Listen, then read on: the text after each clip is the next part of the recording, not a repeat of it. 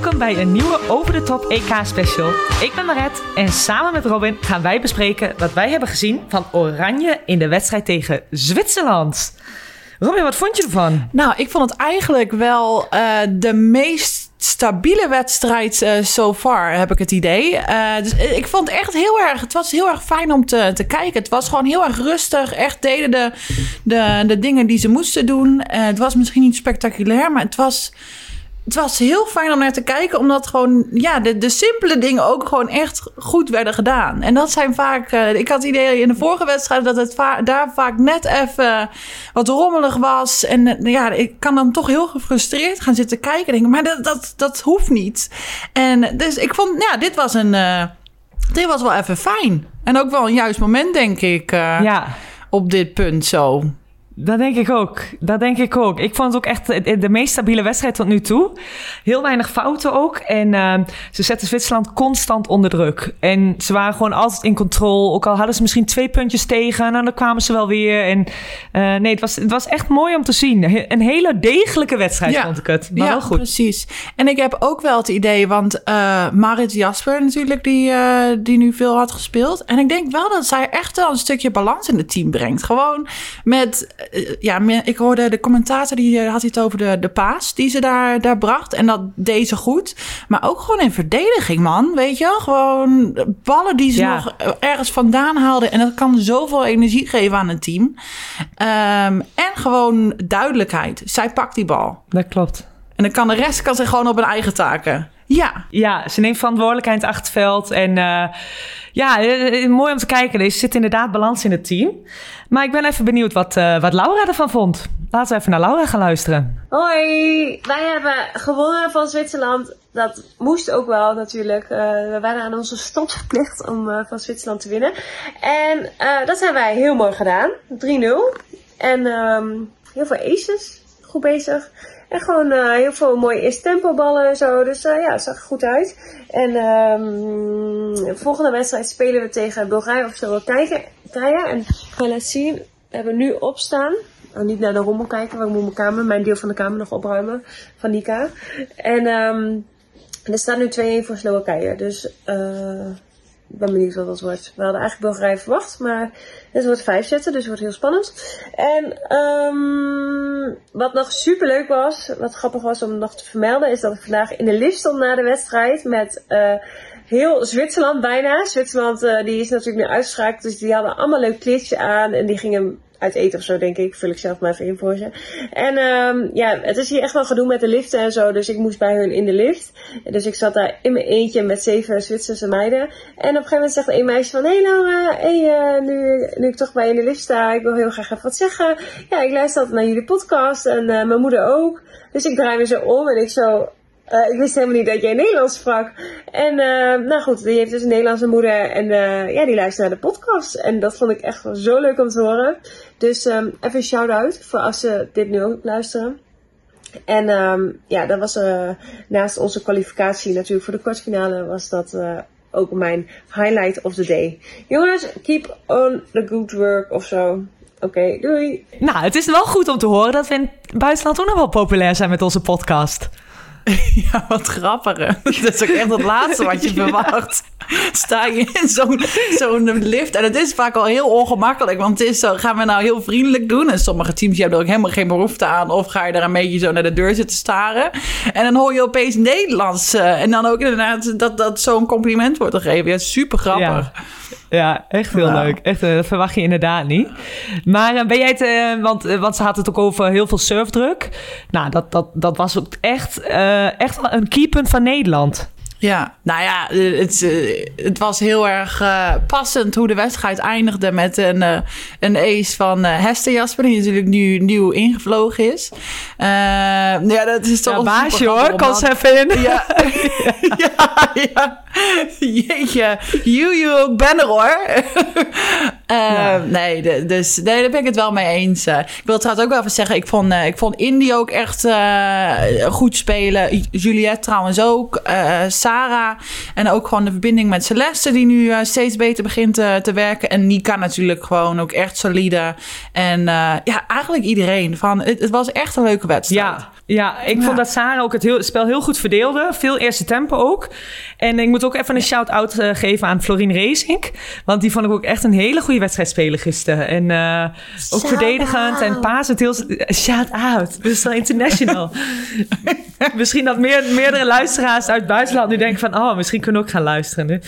Maar ja, ehm, eh, nee, ik vond haar heel stabiel. En, en eh, verdedigend was echt goed. Ehm, was echt mooi om te zien. Ja, nee, helemaal mee eens. En als je dan ook keek, Nika, wat je zegt, 17 punten, eh Juliette 11 punten, Celeste 10 punten. Ja, dan zit je echt wel goed in de wedstrijd als je 3-0 wint.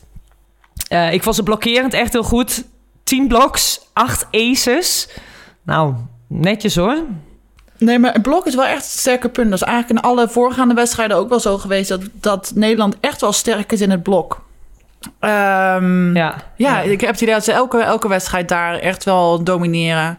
Maar eh, nee, dit was echt... Ja, geen, geen rommel, gewoon echt daar om zaken te doen. En eh, duidelijkheid. Echt gewoon een volwassen team eigenlijk. En dat, dat Ja. is leuk om te zien. Ja, inderdaad. Maar goed, de volgende tegenstander was nog even spannend wie dat zou worden. Dat zou gaan tussen Bulgarije en Slowakije. Slowakije stond met 2-0 voor. Uiteindelijk heeft Bulgarije de wedstrijd naar zich toe getrokken en 3-2 gewonnen. Ja, eigenlijk ook geen verrassing. Ik, vind- ik vind Bulgarije ook beter dan Slowakije, dus ik stond daar eigenlijk al een beetje van te kijken. Heb je de Eh, wedstrijd ja, gezien? wat vind jij ervan? Nee, nee, ik heb het niet gezien. Maar jij als volleybalgekkie wel? Ja, ik wou, ik wou net zeggen.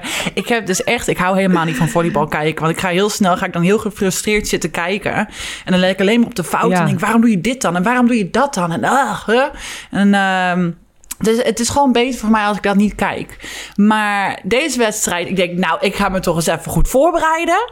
En, dus ik heb die wedstrijd wel gezien. En ik zat er, ik vond het zo waar echt leuk om te kijken. Leuk om te zien. Het was zo spannend en het ging van hot naar her.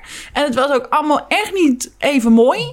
Maar ze gingen er toch voor allemaal, beide teams. Dus eh, Slowakije inderdaad de eerste twee sets eigenlijk dik gewonnen van Bulgarije.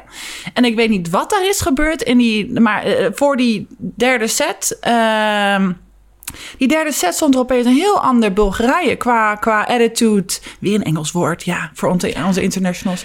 Ehm, maar, maar wel echt een heel, heel ander team. Gewoon eh, veel, veel meer vechten voor de bal. En opeens hadden ze weer vuur in de ogen. Nou, ja, dus die hele...